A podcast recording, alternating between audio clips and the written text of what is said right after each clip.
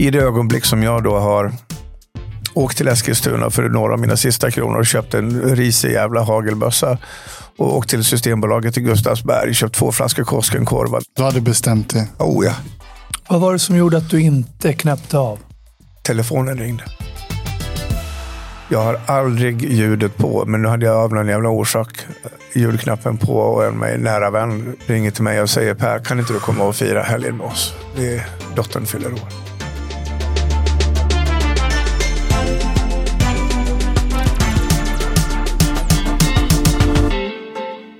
Vi är väldigt glada och stolta över att det här avsnittet sponsras av Elite Ortopedi. Ja, jag är så himla glad att vi har gjort det här samarbetet. För när jag träffade Dr. George första gången på Elite Ortopedi, då kände jag verkligen från hjärtat att det här har jag saknat. Under idrottskarriären, någon som ser liksom med spetskompetens varje enskild skada. Nu efter karriären med de förslitningarna man har. Och jag vet att det är så många där ute, inte bara aktiva idrottare eller för detta idrottare, utan med andra yrken också, som går runt och har ont, smärta varje dag. Jo, men jag har exakt samma känsla. Otroligt kompetenta, lyssnar och verkligen brydde sig om mig. Att jag ska kunna leva ett smärtfritt och bra liv även efter idrottskarriären. Och det är inte så många som har den här spetskompetensen. Så sitter ni där ute med någon form av ledskada eller annan muskelskada och så vidare. Så gå in på Elite Ortopedis hemsida, hemsida och titta vad de kan göra för er. De har allt ifrån PRP-behandlingar, de ligger i framkant när det gäller stamcellsbehandlingar. Och ja, det, de är otroligt kunniga. Mm. Vill ni stödja vår podcast så glöm inte att gilla, kommentera och prenumerera på Brottabröder Podcast. Då kan vi fortsätta göra det vi älskar och ge er det absolut bästa materialet och de bästa gästerna. Att göra en podcast är inte gratis, men ni kan stödja oss genom att också köpa vår bok Brottabröder, en fight för livet. Och då betalar ni minst 150 kronor så kommer vi personligen signera den och skicka den till dig. Ja, och swishnumret hittar ni i avsnittsbeskrivningen här nere. Eller på eh, Brottabröds Instagram. Glöm bara inte att skriva med er adress så vi vet vad vi ska skicka boken. Så alla Swish-bidrag är jättevälkommen för att vi ska kunna växa med podden. Och swishar ni 150 kronor eller mer så skickar vi med en bok. Idag sitter vi här med en komplex man. En individ vars, vars fulla mekanismer nog ingen förstår till 100%. Ibland slängs det hej vilt med begreppet “mitt liv har varit en berg och dalbana”. Men om dagens gäst använder det uttrycket tycks det snarare vara en underdrift. Här pratar vi inte om den där mellanmjölksberg och dalbanan som finns på varenda tivoli. Nej, här pratar vi om den där extrema berg och dalbanan som bara finns på några få utvalda ställen i världen och som endast lockar till sig promillen av det mest våghalsiga. Eller vad sägs om att innan 60 hunnit leva som idrottsproffs, bygga över 30 bolag, sälja några av dem och bli rik som ett troll, men ändå lyckas hamna barskrapad på en parkbänk. Bygga lite nya bolag igen för att återigen bli stormrik, men spela bort i stort sett rubbet och ännu, ännu en gång bli nollad och skuldsatt. Parallellt med det tidigare nämnda har han gått en match mot missbruken som inte bara kostat honom pengarna, utan framförallt relationer. Vad driver denna person? Vad har format honom? Och vem är han innerst inne? Han beskrivs ofta som snäll och ett geni. Vi ser många likheter med vår egen far. En sökare, en god och naiv själ som kanske lätt hamnar snett. Men samtidigt en vuxen individ som måste stå för såväl sina framgångar som sina misslyckanden. Vi är nyfikna på att förstå mer. Både när det gäller hans otroliga intelligens och näsa för trender och affärer, men också såklart vad som fått honom att gång på gång sätta allt på spel. Nu kan vi inte vänta längre. Vi är så ivriga att komma igång med dagens samtal. Så nu säger jag varmt, varmt välkommen hit Per Holknekt! Oh, välkommen Per! Åh, herrejävlar, vet du vad? Jag, det är nog första gången på alla poddar, alla föreläsningspresentationer av mig som jag sitter och fäller en tår. Ja, jag ser du är rörd Per. Ja. ja. Ja, fint Fan, det där kom åt mig. Alltså. Vad var det som träffade? Vad var det, var det något speciellt i texten? Eller var Ja, det... men det är så jävla enkelt att beskriva mig vad jag har gjort hela mitt liv. Folk pratar om vad jag har gjort, men liksom ingen som har överhuvudtaget vidrört vem jag är.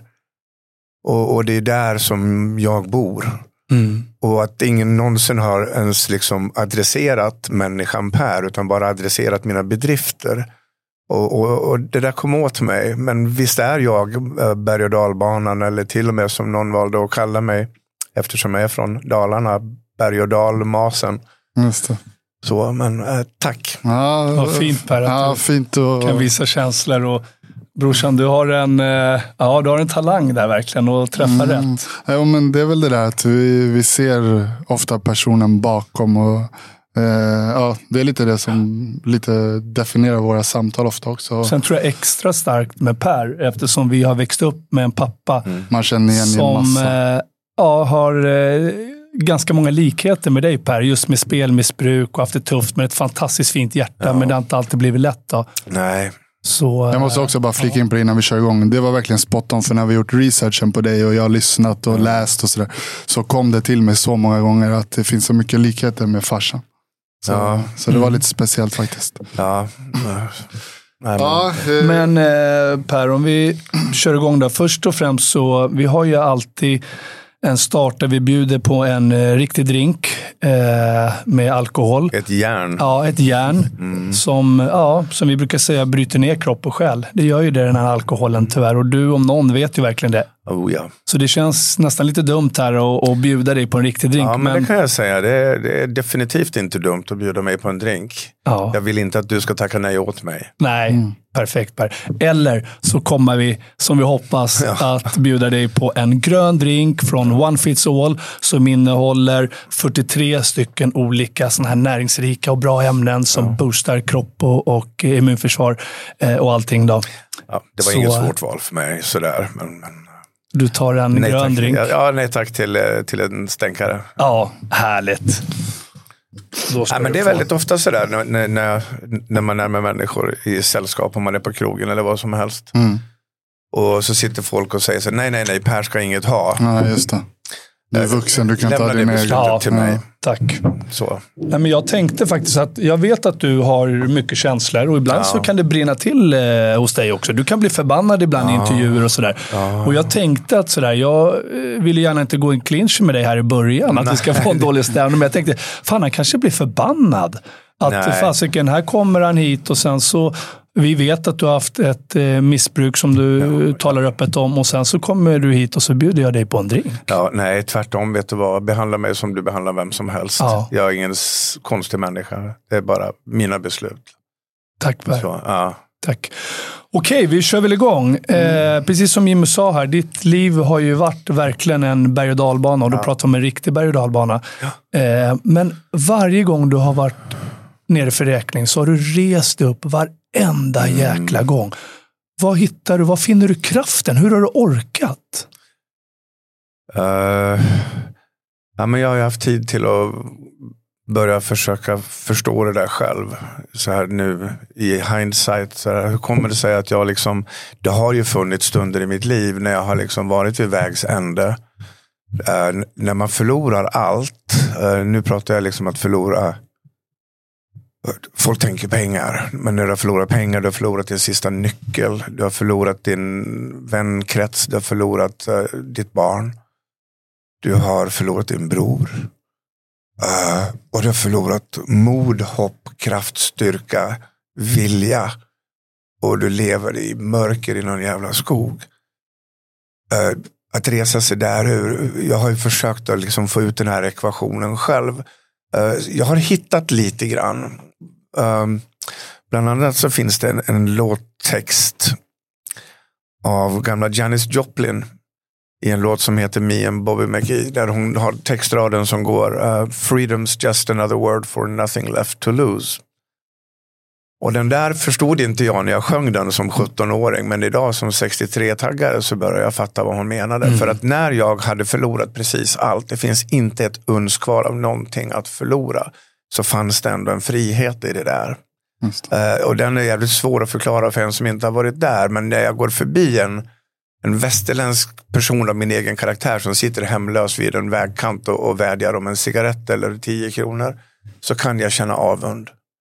Och det här är en väldigt, väldigt märklig sak. Men det som har tagit mig ur alltihopa är två saker tror jag. Dels är det min livsnyfikenhet. Jag är inte klar. Jag vet vad jag kan. Jag måste ge mig själv en chans till. Och för att få komma dit så måste jag göra det svåraste tricket av alla. Som är framförallt svårt för oss män. Att be om hjälp. Mm. Men är det så att man måste vara nere i skiten där du inte har någonting kvar för att kunna vända upp igen? Jag tänker bara, innan du svarar där Per, ska jag bara berätta en parallell till våran far. Ja. Som själv då hamnade i ett svårt spelmissbruk och förlorade allt. Ja. Och när jag gick med honom på missbruksenheten eh, på Sankt Görans så sa psykologen där att vet ni vad? Ni hjälper er far i hans missbruk. Ni ger han tak över huvudet, ja. ni ger han mat varje dag. Ja, När han har förlorat allt, först då kommer han kunna resa sig upp och komma tillbaka. Och det var det vi gjorde. Vi stängde dörren och han hamnade på parkbänken och det var så jäkla svårt. men då reste han sig upp och tog sig tillbaka. Och det är så. Du, du, måste trotsa den här människans egna vilja. Jag, jag ser ju så här. vi kan gå rakt in på spelmissbruk, vilket är aktuellt för mig idag. Mm. Jag står 108 dagar inför domstol. Jag ska dra ett av de större spelbolagen till tingsrätt. Just det. Sen jag uh, offentliggjorde, ja jag har haft spelmissbruk och inte bara lite utan väldigt omfattande. Alltså gravt, gravt spelmissbruk. Och, och i det att jag vågade berätta om det här som jag tacknämligen också har förstått att ni har berättat att ni har haft i er familjesfär och så vidare. Det här hjälper ju människor det här avstigmatiserar ju ämnet lite grann och helt plötsligt så känner människor att shit, nu har jag någon att prata med. Mm. Problemet i mitt fall har ju varit att jag är ganska aggressiv mot spelbolagen och människorna som sitter där ute i stugorna i denna ensamhetens sjukdom känner att wow, nu har jag någon att prata med. Mm. Det är den första människan, så alla kommer till mig nu. Oh. Och lägger sin, sina liv i mina händer. Någon som förstår dem och som förstår det här med missbruk. Ja, och det, det jobbiga i det här är ju att jag har ju idag tusentals av människor som lägger sina liv i mina händer. Mm. Och det är ett jävla ansvar, en tyngd och börda att bära. Den är väldigt, väldigt hård. Så men är det så att eh, den här inre glöden i dig, att den, alltså den har någonting med liksom revanschlust gentemot ditt egna, att så här, du ska bevisa för dig själv att det här det är inte så här det ska sluta. Eller finns det en revanschlust mot andra där ute? Är du, mot spelbolagen till exempel, är du besviken på dig själv? Är du besviken på spelbolagen? Nej, det var en man som kom till mig och han sa Per, jag vill att du ska veta en sak. Jag har sett ditt spelmissbruk. Jag är nog den enda. Nej, det finns, jag hade en vän, en riktig vän i mitt spelmissbruk. Och det var uh, min VIP-agent på Unibet. Okay.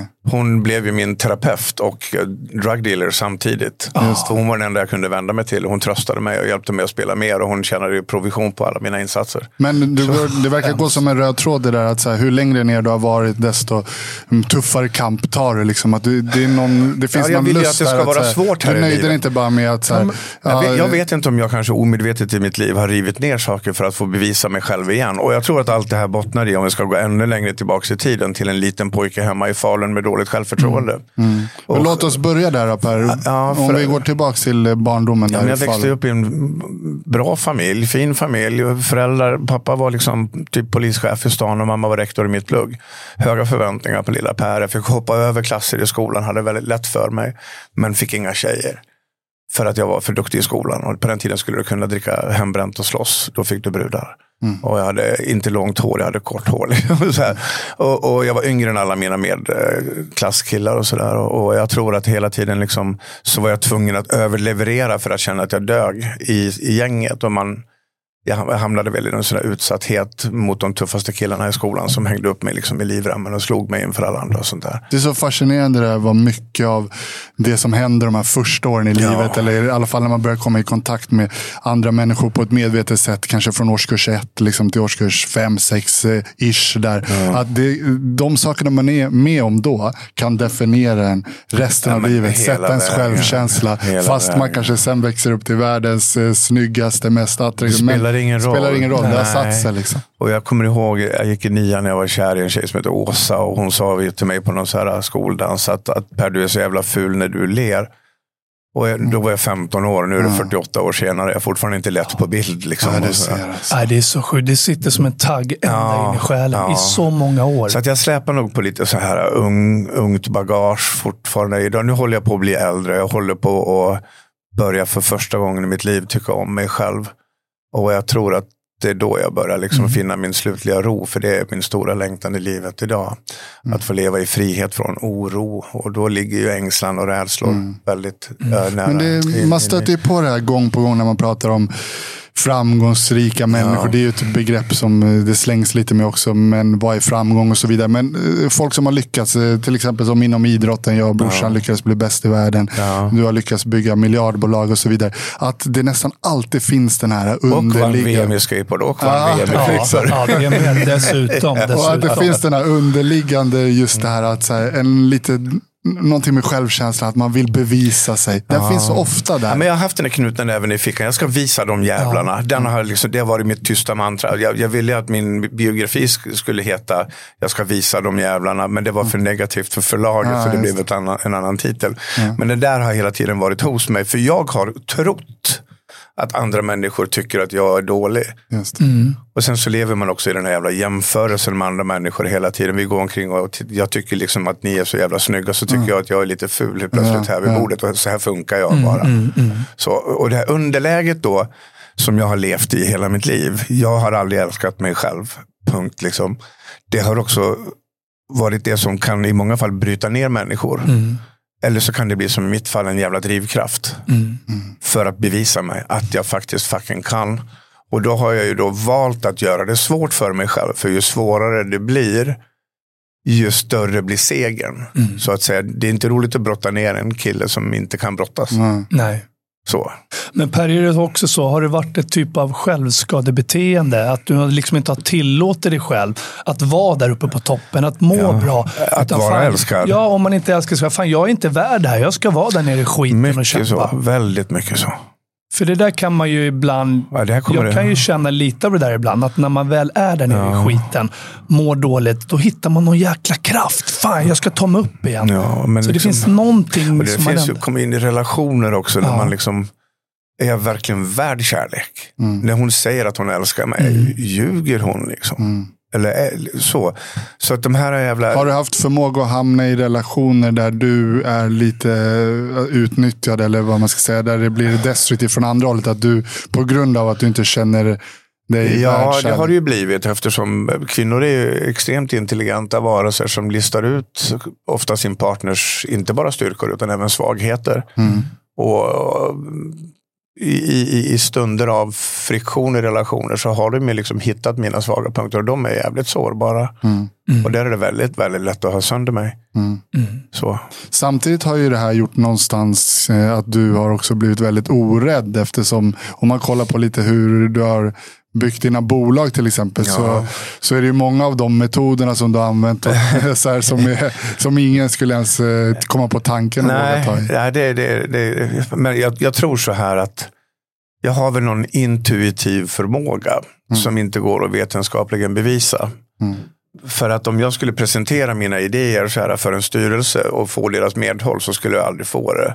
Så att jag väljer att aldrig presentera saker mm. utan jag gör först. Mm. Och sen presenterar resultat. Är det lite men, där eh, skillnaden på självkänsla och självförtroende? Ja, den där eviga frågan. Ja. Men, men, mm. men jag, är så här, jag tror så här att jag tror ju inte att jag är bra på någonting.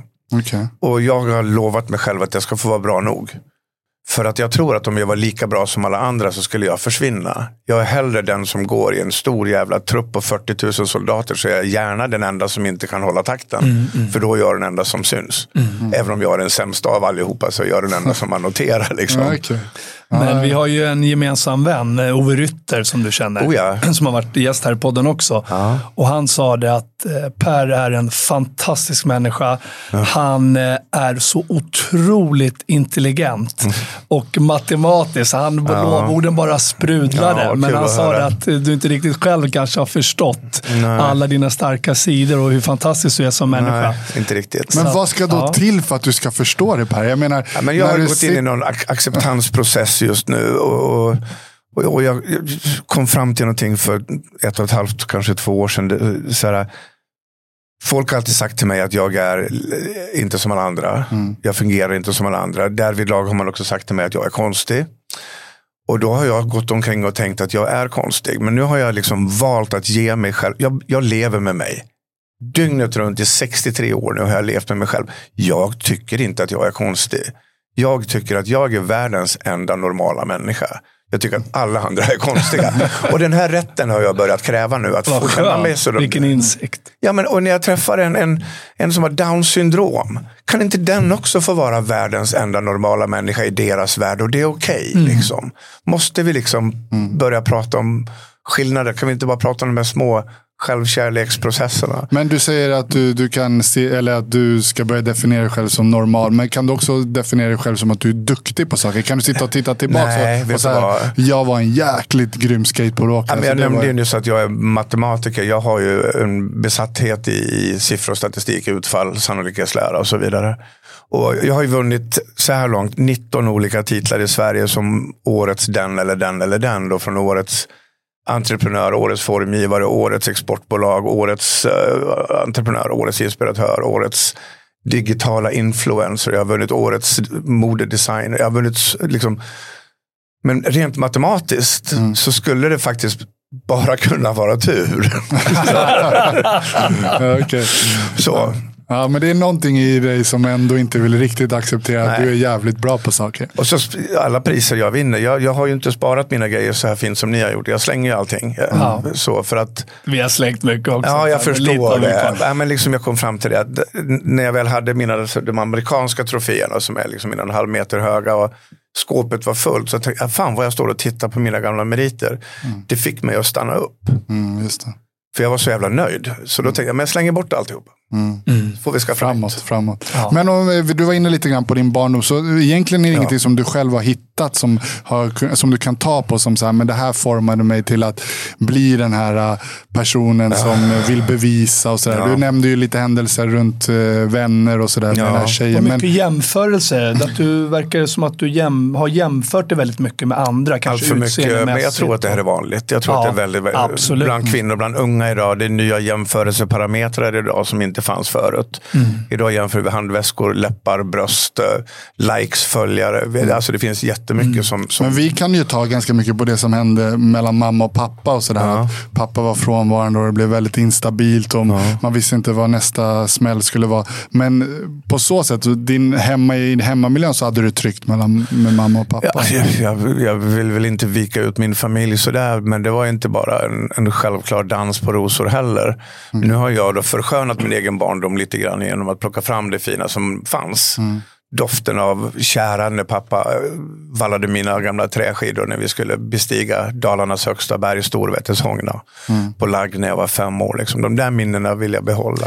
Det- Sen det fanns, Förlåt. Ja, nej, men jag bara skulle flika in där Per. Det sa ju faktiskt Micke Dahlén, lyckoprofessorn Ja. här, att vi kan ju faktiskt gå tillbaka Ja. i minnena och förändra vår barndom. Ja. Om vi har haft jobbiga saker och, och, Och är eh, okej. målar den med andra färger. Och det är okej. Ja, och det är okej. Det är faktiskt okej. Ja.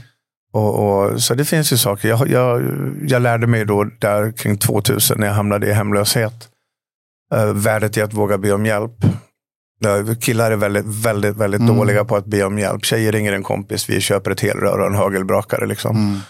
Men, men, men, men eh, när jag började be om hjälp så har jag använt det väldigt mycket genom mitt liv. Att, att, att våga be om hjälp. Och just det här med att reda ut min egen historik, min egen barndom. Varför blev det som det blev och varför river jag och bygger jag och river jag och bygger jag.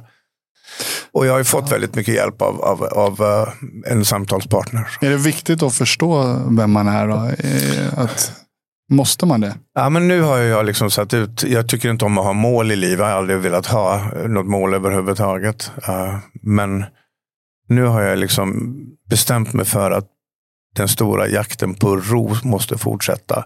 Och för att få ro så måste jag reda ut röran från förr. Okej, så börja där och så Ja, förstå. lite grann. För, Den här nyckeln med att be om hjälp, jag måste bara plocka Ja. upp den också. Ja. Du nämner att eh, män generellt sett är sämre än Ja, kvinnor på att be om hjälp. ja. Eh, vad tror du det beror på? Jag tror att, att det, det, blir synonymt med en svaghet. Att, att en man går och ber om hjälp, det, det är ett tecken på svaghet. En chef kan liksom inte gå och be sina medarbetare om hjälp. Vilket är fullkomligt uh, bananas egentligen. Mm. Så, uh, Att våga be om hjälp. Vilka gäster tänker du på då? Som vi har haft tidigare. Som också var deras nyckelfaktor. Eh, framgångsfaktor. Ja, jag vet inte, stå still nu. Dragomir Mirc. Ja, Ja. Det var hans väg tillbaka. Ja. Eh, vi hade också Och han Sebast- kommer dessutom från en mycket manligare kultur. Absolut, men han sa det. Det var min väg tillva- tillbaka, att våga be om hjälp. hjälp. Och lika, likadant med Sebastian Staxet. var också hans väg tillbaka. Också mycket förlåtelse och även kunna förlåta sig själv. Det det Och också Det våga-. Ja, Och det förlåta andra. Ja, förlåta andra och sig själv. Jag tänker två saker i det begreppet. Att dels, du har nämnt det lite, att våga be om hjälp, men också våga blotta sig. Att säga att eh, det här är jag, jag har fuckat upp, jag har gjort det här. Ja, Och den det funkar också. i alla lägen, vet du det? Och vet du vad det gör? Det skapar relationer. Ja. Det skapar relationer till människor. För Ja. att du bondar på ett sätt som inte är i det fantastiska vi äger, utan i våra ofantastiskheter. I våra sårbarheter. Där bygger vi relationerna som verkligen bär. Ja, verkligen. Och det här är inte bara i privatlivet, utan jag tycker att det här ska ut i ledarskapslivet. Ja. Att som ledare för ett lag är du ju som vackrast om du vågar vara sårbar du också. För då vinner du ju respekten. För du, inledde, tilliten. ja, för du inledde samtal här med att säga att jag alltid känt mig ful, jag jämför med andra. Ja. Du sa att du tyckte att vi såg bra ut Ja. och så vidare. Och redan där så kände man, fasiken vad nära vi kommer varandra. Direkt som du säger. Och jag är inte rädd för er. Nej, Och nu har jag sagt det här och nu Mm. liksom har jag ingenting att dölja längre. Jag kan inte längre bli avslöjad. Nej. Och det är en sak som är skönt i min frispråkighet här i livet. Det är att jag kan inte bli avslöjad. Mm. Jag har redan sagt det. Så. det måste vara härligt. Ja, det är förbannat skönt. Ja. Men går du med rak huvud här ute på Sankt Eriksgatan? Ja, det gör jag. Mm. Så har det inte alltid varit kan jag säga. Det, mitt liv är mångfacetterat. Jag har ju liksom, jag kanske har, om jag går omkring ute en hel dag så kanske jag har 60, 70, 80 personer som kommer fram till mig och vill prata. Och, och för 12 år sedan i en stor dramatisk separation från sångerskan Lena Philipsson så var det inte bara kärlek jag fick, det ska gudarna veta. Men idag är det 99% kärlek. Eh, Jag vet aldrig varför, för att det finns så många olika Per. Så någon ser, och där kommer min gamla skateboardidol och där kommer min entreprenörshjälte och där kommer han som var med i fucking Big Brother.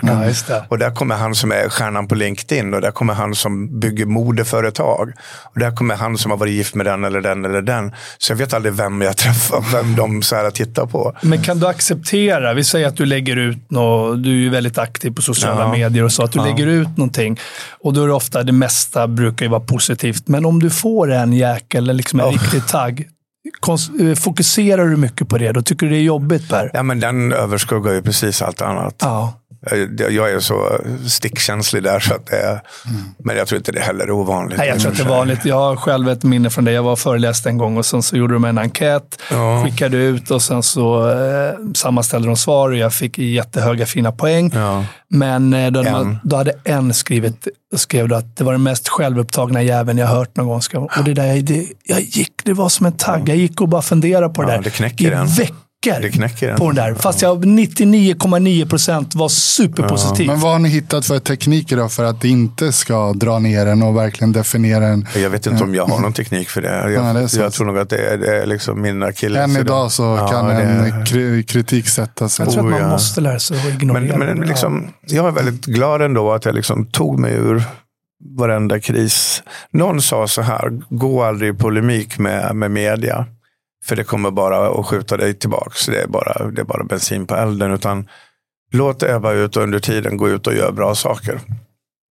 Och så, så gör du tillräckligt många bra saker så folk kommer till slut att se på dig med andra ögon.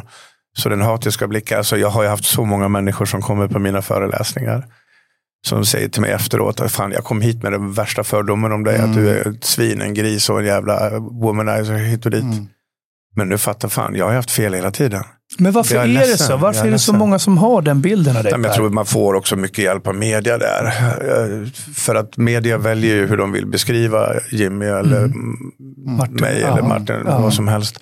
Och, och, och folk tror ju på det. Och så när de tittar på sen så tror de att det är den människan de tittar på. Och jag står där och tänker, vad fan du tittar ju på någon annan. Det här är ju inte jag. Nej. Men får jag fråga, eh, missbrukaren Per, Ja. lika väl som våran far då, Ja. eh, Tom, missbrukaren och den personen som inte är missbrukaren, som är där bakom. Ja. Det är ju samma person men ändå inte samma person. Kan du stå och titta på missbrukaren Per och tänka så här, ja men jag förstår att folk tycker att det där är en jävla skitstövel och det är okej om någon kommer fram och säger så här, fan vilket jävla svin det Eller hur? Jag är tryggare idag Ja. än vad jag har varit. Eh, Det kan vara en åldersfråga också. För nu börjar jag liksom gilla läget mycket mer. Mm. Och, och kan liksom borsta av mig. Men är det inte en hårfin gräns att skylla på missbruket? Säga så, ah, men det var på grund av missbruket. Nej, men det har jag aldrig gjort. Mm. Jag har alltid tagit personligt ansvar inför mig själv. Och så där, så att, eh, nej, det är som folk säger, ja, jag var otrevlig mot den tjejen, men jag var ju full. Liksom, det är ingen ursäkt. Mm. Det var mitt beslut att bli full, så att jag kunde. Så, så nej, men jag har ingen ursäkt för det. Jag tycker bara det är sorgesamt att, att, att jag hamnade i, i, i spelträsket. Och jag vet inte vilken dag det övergick från att vara någonting som var lite skoj till att vara någonting som helt plötsligt började äga mig mm. och äga min existens till 100 procent. För om vi ska komma in lite på det, kan vi bara eh, så, här, så vi får lite kronologisk... Jag backar tillbaka ja. till en grej som jag aldrig hann förklara. Ja. Det, är så här, det var ju en person som kom till mig en dag och sa Per, du lever i, i ett parallelluniversum som jag vill att du ska veta att du inte längre är ensam i. Jag är här nu och jag ska hålla din hand. Och det är en kille då. Jag, min spelkarriär slutade ju på en brygga på Ingarö med två helröd Koskenkorv och ett hagelgevär. Mm. Och uh, uh, den här killen han hade ju då ena benet ut i luften på Sollentuna station och skulle hoppa framför tåget när någon tar tag i honom. Och vi två då visade sig ha då bott på Stockholms centralstation bägge två. Och uh, det är vi två som har, har beslutat oss för att nu ta strid uh, mot spelindustrin för att närma så att den kan närma sig ett, ett, ett sundare spelklimat. Så, så ni hade samma öde på något sätt? exakt möttes. samma öde. Vi, vi råkade dessutom vara gamla skateboardkompisar från oh, det glada 80 och 90-talet. Kände ni varandra redan då? Lite. Ja, okay. lite så det, är han som, det, är så det är väldigt svårt för en icke-spelmissbrukare att, att identifiera en spelmissbrukare. Det går nästan inte. Alltså det är nästan till omöjligt att, att se. Kan du berätta, vad är det som liksom triggar igång det här? Vad är det som händer med när man har ett spelmissbruk? Jag vet inte, i början, första gången jag vann pengar på riktigt, det var jag, jag gick till, till posten i Svedmyra och skulle hämta ut ett paket tror jag. Hon i kassan säger så här, du vill inte ha en liten V65 också? Antagligen en kampanj då som man körde ihop med ATG. Jag köper en sån för 141 kronor och jag vinner 29 952 spänn. Mm. Och jag tänker, fan, var det sådär enkelt att vinna? Och då köpte jag ju grejer för pengarna och jag tänkte jag köpte en fin jacka på NK. Sådär. Men sen tänkte jag, men är det sådär enkelt att vinna? Så då började jag fortsätta spela. Och jag vann väl och förlorade lite grann. Men sen så någonstans längs vägen så, så spelar jag inte längre för att vinna pengar så jag kan köpa grejer. Jag börjar spela för att jag vill vinna kapital så jag kan spela mer. Mm. Så pengarna hade ingen livsinnebörd annan längre än att bara vara spelkapital. Mm. Jag, jag omsatte enorma pengar. Alltså ska, om man ska titta på hur mycket, mycket pengar jag satte in så var det väl en siffra, men hur mycket pengar jag spelade för per år. Mm. Jag spelade ju bort totalt via olika kanaler på fyra och ett halvt, fem år, kanske 130 miljoner tror jag. Oj, vilka summor. Mm. Ja, och det, summan i det här fallet är inte så jävla viktig. Nej, nej, nej. För, för oavsett om du är Kerstin i Hedemora mm. eller Per i Stockholm och Kerstin spelar bort sina sista 11 000 kronor mm. så är det lika mycket pengar. Mm. Det är också 100 procent. Så den känslan är ganska tuff. Kan, jag har eh, en infallsvinkel där som ja. jag vet inte om du har tänkt den tanken någon gång. Men när jag gick med, min, med våran fara på, på eh, behandling uh -huh. så säger ena psykologen att de flesta av de här spelmissbrukarna de har en depression i botten. Men de har aldrig bearbetat den och blivit friska. Och de kan trycka bort den ja, med hjälp av spel. För de får de här endorfin, dopaminkickarna. Det kan vara annat missbruk. Ja, ja, du distraherar ju dessutom bruset. Ja. Så det gör du ju. Kan det ha varit så med dig också? Att du hade någon väl. typ av depression, nedstämdhet i grunden? Flyktbeteende skulle jag vilja säga. I mångt och mycket samma sak som med alkoholen. Att man man distraherar smärtan någonstans. Kan du beskriva skillnaden lite för lyssnarna? De kickarna. Jag menar, eh, jag, återigen, nu drar vi mycket paralleller till farsan. Ja, här, men, men när han han kunde, till slut var det ju att han även fick andra missbruk, att det gick över till alkohol och så det vidare. Det vandrar ju ofta som man säga. Men om man, mm. om man tänker då på eh, spelmissbruket som var hans liksom, huvudmissbruk. Mm. Så känns det ju som att han kunde alltid hålla de här kickarna igång. Medan en fylla kanske blir så här att ja, men, du, du festar och sen åker du ner och så ska du upp igen. Men det kändes som att det var liksom små kickar hela tiden. Det var ett spel där och så kollade han, ja, men då var det travet. Och så, liksom, kan du förklara någonstans skillnaden lite mellan missbruken? Vad är det som gör spel Ja, just i ditt exempel där kan jag säga så här att en, en, en, en som har uh, spelmissbruk och en som är alkoholist har extremt mycket mer gemensamt än man tror. Eh, jag som spelare, vill, jag, jag kunde ju inte liksom leva en sekund utan att ha ett spel igång någonstans i världen. Som alkoholist, eh, när du har druckit ur ditt sista glas på fredag kväll så har du ju redan planerat ditt första glas lördag morgon eller lördag dag. Mm. Så den saken är redan planerad. Inköpen är ju klara. Mm. Du kan ju inte sitta på krogen med ett glas öl och dricka ur glaset och sen beställa en till.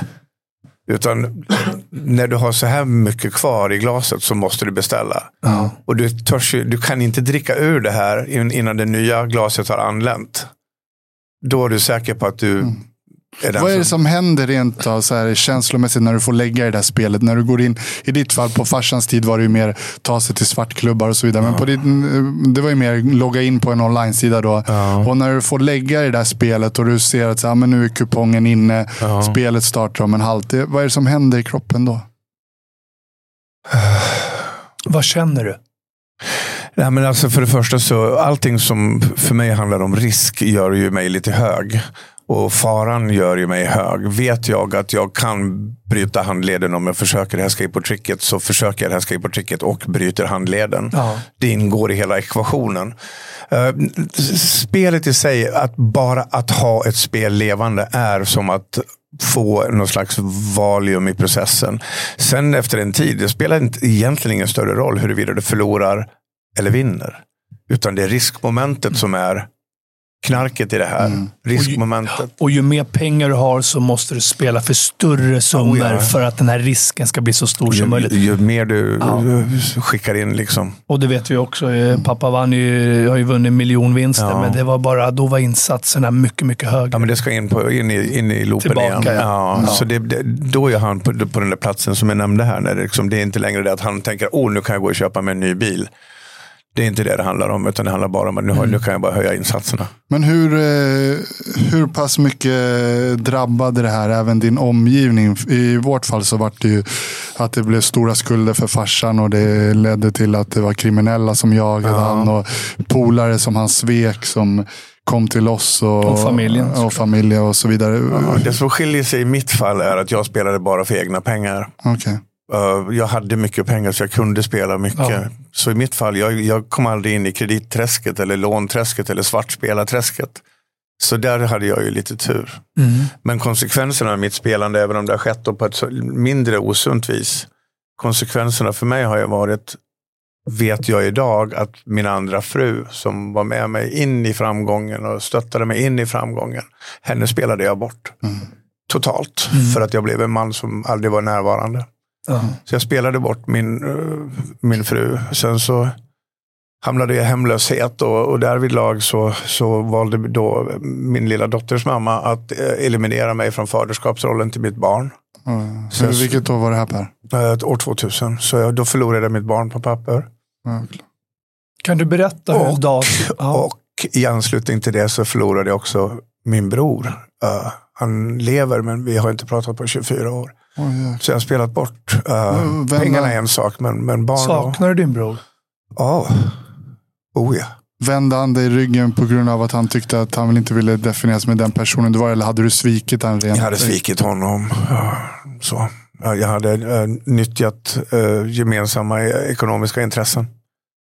Så uh, även om jag då sex, sju år senare betalade tillbaka alltihopa med 100 procents ränta så så har inte det gjort mig fri. Så. Har du försökt att få kontakt oh ja. med, med brorsan? Oh ja. Är det mycket hat från hans sida? Liksom ja, ja, ja, ja det, det, det, är vägen tillbaka. Jag, jag, har förlikat mig med det här just nu och liksom den kärlek jag, jag vill ge honom väljer jag att ge till mina barn istället. Mm. under tiden så kan jag inte låta det här gå och, och, och Någonstans måste man hitta en acceptans. Ja, men jag förstår att... Eh, förlikelsen där är ja. viktig. Men, men jag har spelat bort, uh, mm. jag skulle säga att jag har spelat bort två fruar, en bror och en dotter. Mm. Hur är det med dottern Per, man får fråga? Ja, det tog några år av, mm. av uh, nykterhet och skötsamhet. Och sannolikt var en tre gånger bättre pappa än vad en bra pappa är. För att jag till slut skulle få hennes och hennes mammas välsignelse. Mm. Att, att återigen skriva på, på pappret så att vi idag är min äldsta dotter, hon är min närmaste vän idag. Härligt. Ja. Jag tänker att det finns ju säkerligen många människor där ute som har hamnat i spelmissbruk. Eller Ja. vi vet att det finns det. Ja. Hur tycker du att som anhörig, ska man förlåta de här personerna och att förstå att det finns ofta en väldigt fin människa, men det är någonting trasigt där inne eh, och ge dem en andra, tredje, Alltså, en du var inne på det här chans. tidigare lite grann. Och, och, du- det är väldigt, väldigt vanligt att anhöriga... eh, Den spelande är oftast också en väldigt skicklig manipulatör. Extremt skicklig på att manipulera människor. Och framförallt då anhöriga och nära till att hjälpa dem att lösa sina akuta problem som de själva har orsakat. Så man samlas i trupp och grupp och man går till banken och pantsätter hus för att lösa deras skulder. Och då har ju den här människan, spelaren, då förstått att ah, de löser mina problem. Jag behöver inte lösa det själv. Jag kan fortsätta. Så det är en sak. Så att in, inte hjälpa för mycket annat än med kärlek och, och öppna samtal. Att våga prata, det är det första. För där var ju vi också. Vi, mm, som våran fader som kom och ville låna pengar och så Ja. vidare. Så vi var ju mycket där. Så Ja. vi var ju med och gödde det här också Ja, under den det, tiden. det är medberoendet liksom, i dess finaste form. Precis. Kan du berätta hur en dag var när du var där nere på botten? Hur, såg, hur kunde en dag se ut Per? När du var som mest nere i skiten? Nu när vi går till, om vi går tillbaka, ja, år 2000 är väl antagligen mitt mörkaste år. Eh, jag var 39 den vintern. Och för det första, Stockholm är en dålig plats, framförallt vintertid, att vara hemlös. För det är väldigt kallt och väldigt ensamt. Det är väldigt, väldigt mörkt. Och det första du tänker på är att sätt dig aldrig ner. Somna inte. Håll dig i rörelse för om du somnar så kommer du att dö. Så rör på dig, flytta på dig, promenera, vandra, eh, hitta värme, leta värme. Eh, det var i stort sett hela min existens. Hitta någon typ av matbit, få någon typ av näring. Jag kommer ihåg en gång jag gick ner för Hornsgatan. Jag, jag visste att det låg två så här petflaskor nere vid Smedshusbadet så jag skulle gå över Västerbron och ner. Så såg jag en man gå in i en tobaksaffär. Och han på vägen in tar en 500 ur sin ficka och går in för att köpa någonting väl förberedd. Och, men jag tänker till mig själv, det där, en vacker dag ska jag ha en sån där. Och den där jävla 500 som jag fick se där, den kommer att bli liksom min stora jävla Mm. målbild. Att, Fan. Och då har du haft miljoner. ja, Hur var det år 2000? Ah. Per? Redan då var väl du offentlig? Ja, då hade jag gjort mig en karriär för en annan målgrupp. Då. Hur var det att, som hemlös och liksom ändå igen, gick du liksom och... Nej, men du, du rörde ju inte bland människor, utan du, du rörde bland hemlösa. Det. Och så får du träffa andra människor då, och deras olika typer av tragedier, självorsakade eller orsakade av andra omständigheter som att fabriken gick omkull eller frun drog eller kunde inte hantera smärtan, tog till flaskan och bedövningen tog, gjorde att jag inte kunde gå till jobbet och sen så hamnar man där ute. Och så får jag ju träffa liksom fantastiska människor som jag innan det hade gått och tänkt att det här är ju samhällets jävla losers. Så är det ju bara människor som via omständigheter inte har klarat av. Liksom. Kan, kan vi förstå bara så här, hur fort det gick det här? Du hade alltså, Ja, vad, vad satt på ditt konto ish när du var som rikast om man säger? Nej, men alltså, nu är vi inne på två olika tidsperioder. Ah, för att jag pratar om 2000. Det här, jag, 2008 så var jag väl som tätast, ska jag Mm. tro. Jag minns, då hade jag typ aldrig haft mer än 8000 på kontot. Och jag minns att jag sitter på Arlanda och min styrelseordförande Christer ringer till mig. Och så säger han, Per, gå in och kolla kontot. Gå in och kolla ditt konto. Då hade vi just börsnoterat bolaget. Mm. Samma morgon och ringt börsklocka. Jag skulle till Chicago på en mässa. Och jag ser nollorna tar ju aldrig slut. Och så, Nej, men så då hade jag, tror jag, den morgonen hade jag 46 miljoner på kontot. Sen så berättar han, för, sen står det längre ner hur mina återstående, hur mycket då aktier är värda då. Det var väl typ 100 miljoner till.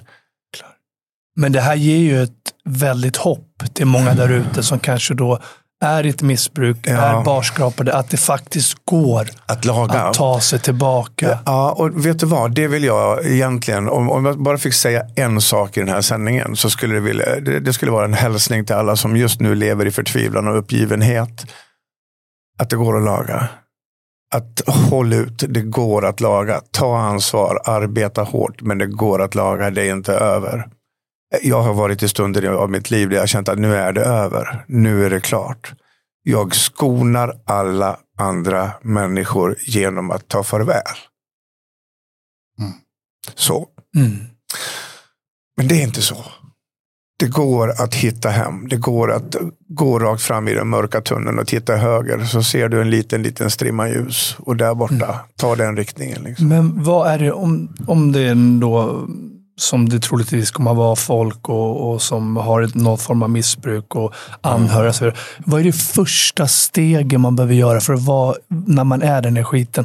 Är det att be om hjälp? Du var inne på det tidigare. Eller någonting annat. Vad ska man göra? För det är så svårt att hitta ett halmstrå när man är där nere och tror att fan, det är kört. Jag kommer aldrig ja. mer ta mig tillbaka. Ja, ja det är den tanken. För du har ju tagit det så långt ner där det egentligen så ekonomiskt sett så går det inte att lösa. Nej, nej. Det finns ju ingen möjlighet i det här. Liksom.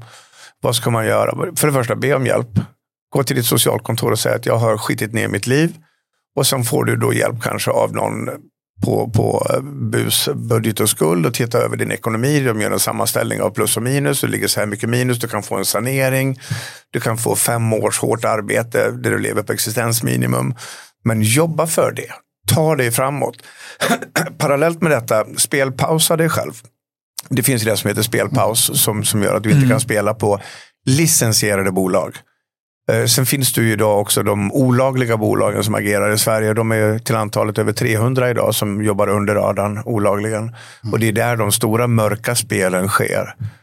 Nu håller jag på i dagarna, jag kom hem från Marbella förra veckan. Jag sitter med ett hemligt team där och vi håller på att bygga en produkt som ska spärra spelarna från att kunna spela på de olagliga spelbolagen mm. i Sverige. Okay en, en investering jag tycker är värd alla pengarna. Mm. Inte en spänn på inkontot, bara pengar ut, men jag kommer att rädda liv och det får mig att, att stilla mig lite grann i mig själv. Mm. Men, men att, att, så att spelpausa, stoppa sig själv från möjligheter, prata med sin familj, lägga skiten på bordet. Det kommer inte att gå sönder. Det är början på vägen tillbaka. Vad, om man tar i ditt fall, då, vad var det som fick dig att sänka liksom, eh, hagelbrakan? Och du nämnde att du hade en vän också och ja, ni men, kunde göra det här tillsammans. Men, jag tror vad, Gud var på min sida om vi nu blandar in honom. Mm. Jag är inte troende på, på traditionellt vis, men jag är nog säkert troende på något vis. För att mm. i det ögonblick som jag då har åkt till Eskilstuna för några av mina sista kronor och köpt en risig jävla hagelbössa och åkt till Systembolaget i Gustavsberg, köpt två flaskor Koskenkorva med presentförpackning så att folk som ser mig och känner igen mig som alkoholist inte ska tänka att jag är där och köper mm. till mig själv. Och sen åker jag till min brygga och sen så tänker jag till ljudet av knirket när man vrider av korken på den här Koskenkorva-flaskan så tänker jag en liten jävel kommer att förföra glas nummer två. Kommer att förföra glas nummer tre och någonstans framåt glas 25 då blir det svart och då åker vi. Och det var hela planen. Du hade bestämt det? Oh ja. Vad var det som gjorde att du inte knäppte av? Telefonen ringde. Jag har aldrig ljudet på, men nu hade jag av någon jävla orsak eh, ljudknappen på och en mig nära vän ringer och säger, Shit, vet du vad? Fick rysningar. Ringer till mig och säger, Per, kan inte du komma och fira helgen med oss? Vi, dottern fyller år. Mm. Fan starkt. Jag vet inte om det är ödets nyckfullhet eller om vi ska fråga Sebastian Staxet vad Gud har för påverkan på, på våra få jävla liv. Sådär. Men Per, när du säger Sebastian Staxet och när du berättar det här ja. så tänkte jag när han gästade här. Han stod ju själv på perrongen och skulle hoppa framför tåget. Ja. Och precis som du så får han ett samtal ja. från sin bror innan han ska hoppa. Som säger, vet du vad? Du har kommit in på behandlingshemmet som du så länge önskat. Och han lägger ner telefonen. Och där och då så förstår han att det här var en gåva från Gud. Ja. Där blev han frälst. Och sen behöver man inte vara gudstroende eller Nej, vad som helst. Men, men han blev... Ja. Jag, min mor var ju djupt troende. Ja. Uh, hon, hon invigde mig i världen att förstå att vi själva inte kan styra allt här i världen. Och det vi inte vet, sa hon, det får du kalla för din tro Per. Och det finns saker som jag idag förstår påverkar mitt liv som jag inte själv styr över. En sak som jag tänker på där är att eh, det sker mycket självmord här i Sverige och i världen. Och Det är något jag ofta brukar tänka på. Det är, det är sällan någon som har tagit sitt liv i sällskap av någon annan. Nej. Att oftast det krävs bara att någon sträcker ut en liten ja. hand.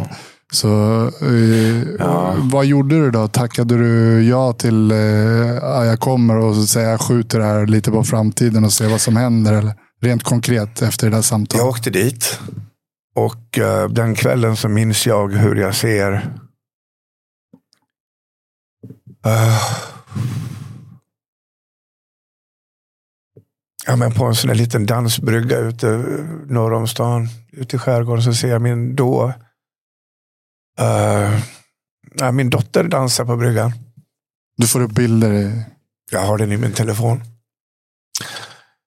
Och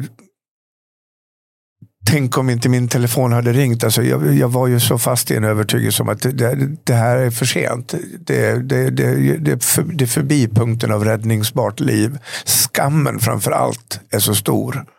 För att jag hade gått och låtsats i så lång tid nu att jag fortfarande var killen som var tät, hade mycket pengar. Jag kommer ihåg sista Ehm, jag skulle åka till en mässa i Köpenhamn och nu levde jag en värld av att låtsas att jag har pengar. Jag hade ingenting kvar. Jag hade mynt i en burk hemma. Då sa mina partners till mig, Per, vi har en mässa i Köpenhamn. Kan inte du ta firma bilen och köra ner med alla grejer dagen innan? Och, och lasta ur och sen så kommer vi sen. Så får du lägga, bara lägger ut så länge. Och jag var så absolut låtsas att jag har pengar, skrapar ihop mina enkronor hemma och kommer med bensin ända fram till Köpenhamn. Men sen är det broavgift och jag kommer inte över bron. Och där någonstans så var jag tvungen att berätta. Oh. Att Men nu det, är det slut. Sen är det ju sådär med själv, självmord. Det är ju många gånger en väldigt impulsiv handling. Väldigt. Och man vet ju idag att att eh, när man tog bara. bort bara gasugnarna i, eh, mm. eh, i England mm så minskade självmorden ganska så mycket. För att när man är där nere så tror man ju man att allting är så svart. Men Just det kan då. kanske vända bara någon vecka, några dagar, eller, timmar. Eller en sömn senare ja, bara. Precis. Ja. Men du har nämnt det många gånger, jag har hört förut, att just det här med impulsiviteten har styrt och definierat dig lite. Att ja. När du har fått ett samtal eller när du har fått ett eh, möjlighet till ett beslut. Att ja. Du också har sagt att så här, många gånger om man väntar så börjar man fundera och då helt plötsligt så börjar det öppna sig massa hinder. Ja. Så många gånger så ska man bara på ren intuition bara så här, vi kör. Liksom. Ja, men nu vill jag återigen gå tillbaka till det här som jag tycker egentligen är fundamentalt. Det är det här att vi människor måste börja definiera oss själva i två hälfter. Den ena är de vi är och den andra är det vi gör. Det du beskriver nu, det är så som jag är när jag agerar och gör och levererar till världen, till marknaden.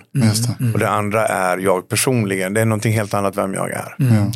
Men jag är väldigt bra. Och får jag en tanke, shit vad jag är flygrädd. Ah, jag måste bli pilot. Då är det för sent, då måste jag bli pilot. Och jag är flygrädd och jag är pilot. och det är så jag funkar liksom. och det är samma sak där, det ska vara svårt. Det ska kännas. Så. Men det är ju också en jäkla superkraft. Ja, det kanske det är. Jo, det är Men inte för mig, för jag är ju världens enda normala människa. Mm.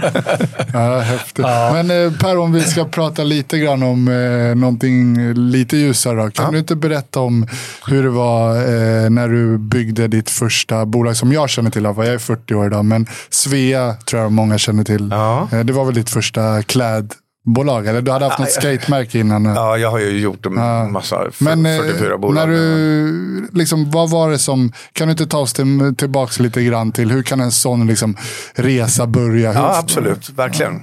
Jo, det kom sig så här. Jag, jag drev ett bolag i skateboardindustrin. Distribution, jag sålde till alla butiker i hela Sverige och Norden. Och och för att driva min egen bransch och göra den större så arrangerade jag läger, skateboardläger, resor till stora skateboardtävlingar ute i världen. Jag byggde ett team, jag arrangerade tävlingsserier i Sverige. Vi byggde liksom, och sen så skapade jag eh, ett litet halvt krig mot de andra teamen för att vi skulle liksom klättra på varandra och höja nivån i trycket i den här kapseln. Och så att det blev en extremt stark kultur kring de här teamen som jag egentligen tar på mig ansvar för på ett kul vis. Uh, Sen kom två killar till mig och sa så här, det var Sveriges då två bästa skateboardåkare. De sa, vi är missnöjda med våra sponsorer, kan du göra någonting med oss Per? Och jag sa, okej, okay, då startar vi ett nytt företag ihop.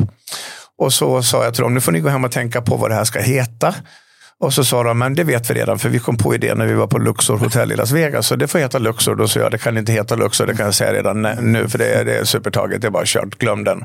Jag kommer tillbaka med ett namn imorgon, sa jag. Och då gick jag hem så tänkte jag, okej, okay, hela marknaden är bara amerikanska märken, amerikanska proffs, amerikanska influerade. Vi ska bygga det första starka svenska varumärket för skateboards. Så vi startade Svea. Mm. Och då tänkte jag, hur positionerar jag mig då? Vi är ju inte bättre än de amerikanska skaterna. Så kom jag på, men vi kanske skulle kunna vara lite coolare. Och ha så pass god självkänsla i vår skateboardkultur i det här nya då Svea varumärket att Vi behöver inte imponera. Så att, vi kunde sitta på restaurang Hirschenkeller en kväll och, och, och, med två grabbar och dricka bärs. Fan, där vi jobbar ju. Stått i dörren. ja, ja. Extra knäck när vi var aktiva.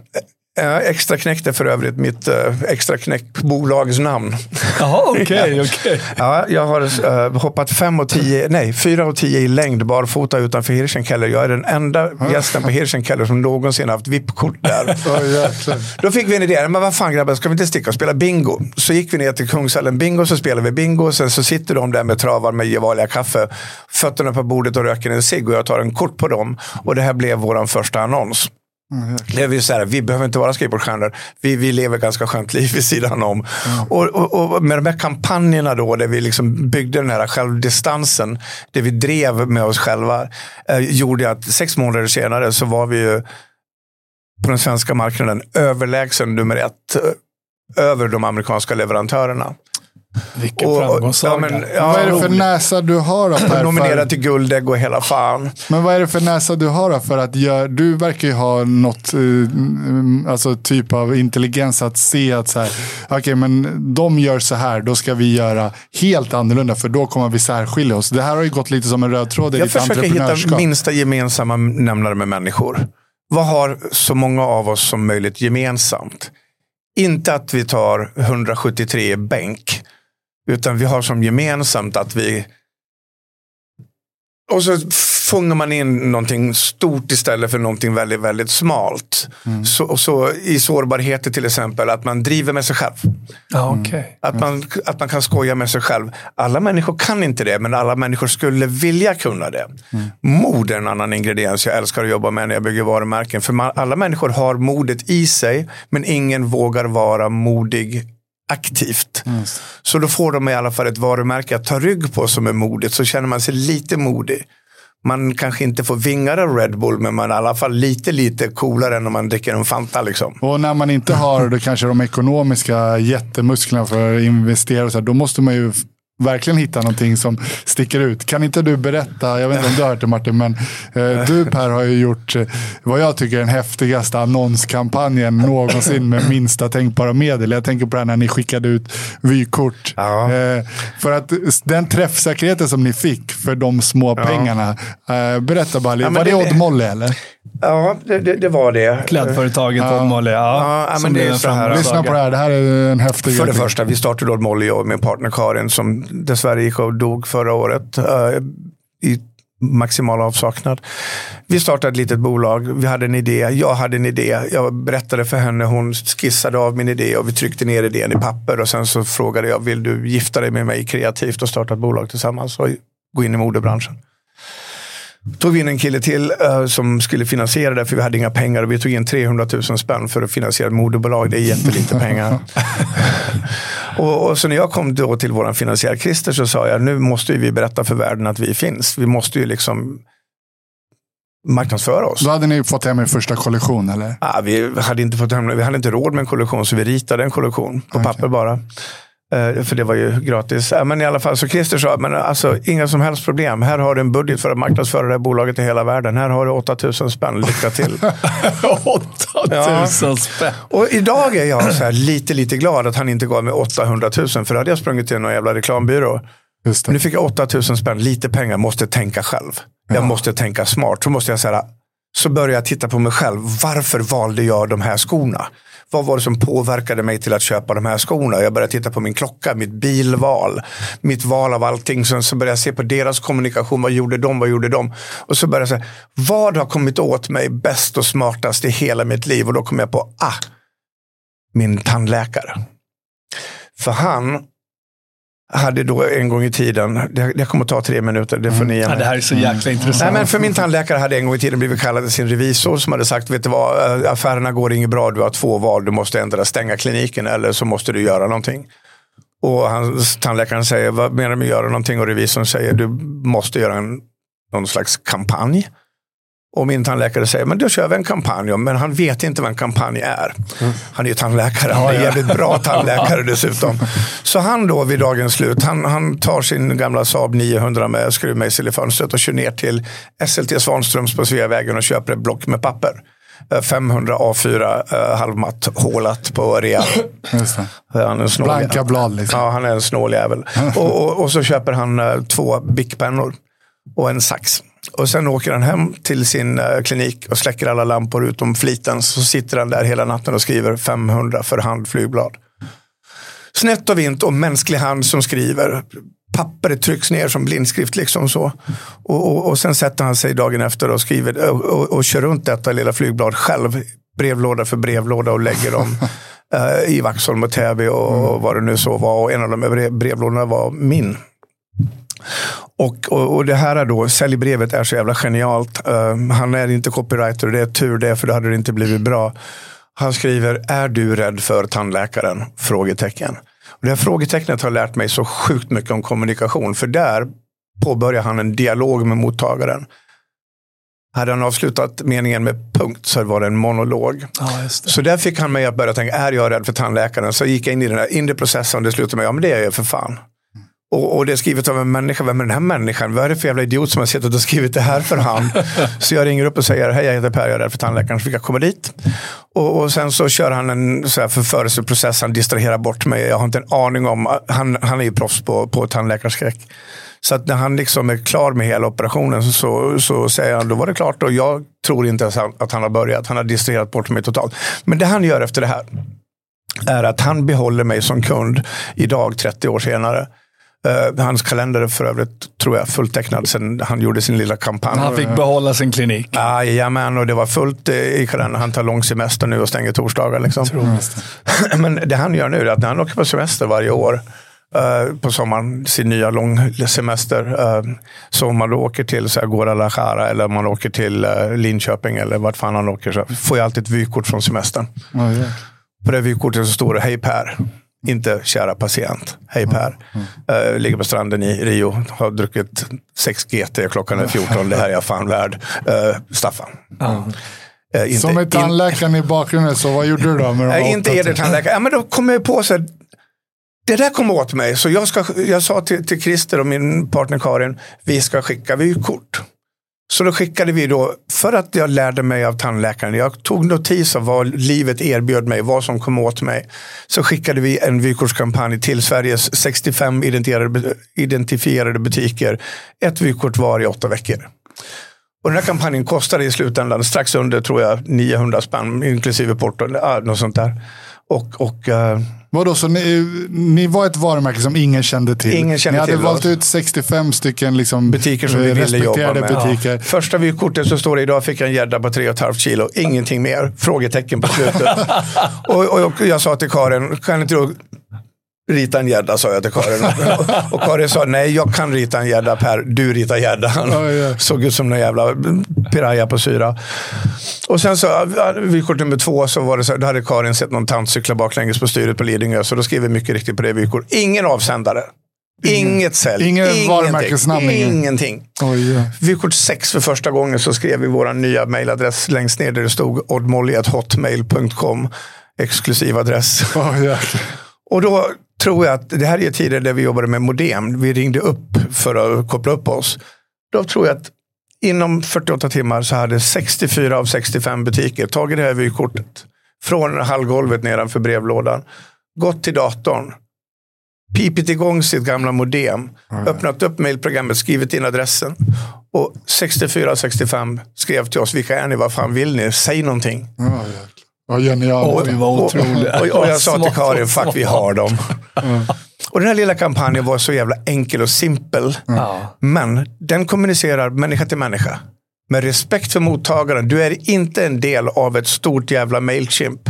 Jag har gett dig av min dyrbara tid och skriver den jävla lappen till dig. Ja. Och jag har kört ända hem till dig och lagt den i lådan själv. Det händer någonting här och när Staffan skickar vykort 30 år senare så det är samma jävla risiga handstil som vid det här första flygbladet som påminner mig om våran relation. Skulle det här fungera även idag, tror du? I den här Ja, nu har jag världen? berättat om det här lilla Ja. eminenta tricket så det är kanske inte någon som går på det längre. Men det här är ju, du har ju många sådana här grejer. Du har ju byggt bolag på ett sätt som, som är eh, många gånger byggt på sådana här Okonventionella metoder, ja. Okonventionella metoder, exakt. Men Eh, tyvärr kan vi inte, vi skulle kunna sitta här och prata länge som helst. Men berätta för lyssnarna, från den starten bara, så här, hur slutade allt det här? Eh, Odd Molle, hur stort bolag blev det till slut? Ja, men alltså, våra 300 000 kronor på fem år omvandlades till ett värde på 1,2 miljarder tror jag. På hur många år? På fem år. På fem. Och, Så att- och och jag vilka, gick- när, vilka år är det här? Eh, 2002, 2007. Och jag själv då gick ju då från hemlöshet eh, med ingen framtid och förlorat fru och familj och barn och bror och allt vad så var. Till att då få stå på Times Square i New York eh, sju och ett halvt år senare och se mitt eget bolags namn flytta förbi ledd på Nasdaqs lista. Liksom den, den återkomsten kändes. Men det jag tror, jag, Per, du Och det ju... handlade inte om pengar för mig, det kan jag berätta här och nu. Nej. Det handlar bara om segern. Ja, ja. Att resa mig ur aska, att tända eld på askan av mitt eget liv. Så. alltså. Men då Men blir man också så tänker- här, vad sätt, varför sätter du då saker på spel igen? Det vill man göra, men du kanske hade någon fråga? Ja, men jag är inte där nu. Jag har börjat tänka så här. Jag orkar inte resa mig en gång till. Jag börjar bli äldre, jag är mer långsam i rörelserna. Jag värdesätter det jag har. Jag har slutat ta mina relationer för givet. Jag försöker att vinna mina döttrar, bägge två, varje dag. Och jag tänker så här, det, någon gång i livet så kanske man blir mätt på att bara jaga framgång. Ja, för de räcker inte för mig ändå. Precis. Mot bakgrund av allting jag har vunnit i hela mitt liv. Apropå Svea, jag vann ju pris i New York som Creative Excellence of the World Award för Coca-Cola. Liksom. Jag har ju såhär, även i konventionella branscher, men det räcker inte för mig. Nej. Men det, Det är jag bara tror, tur.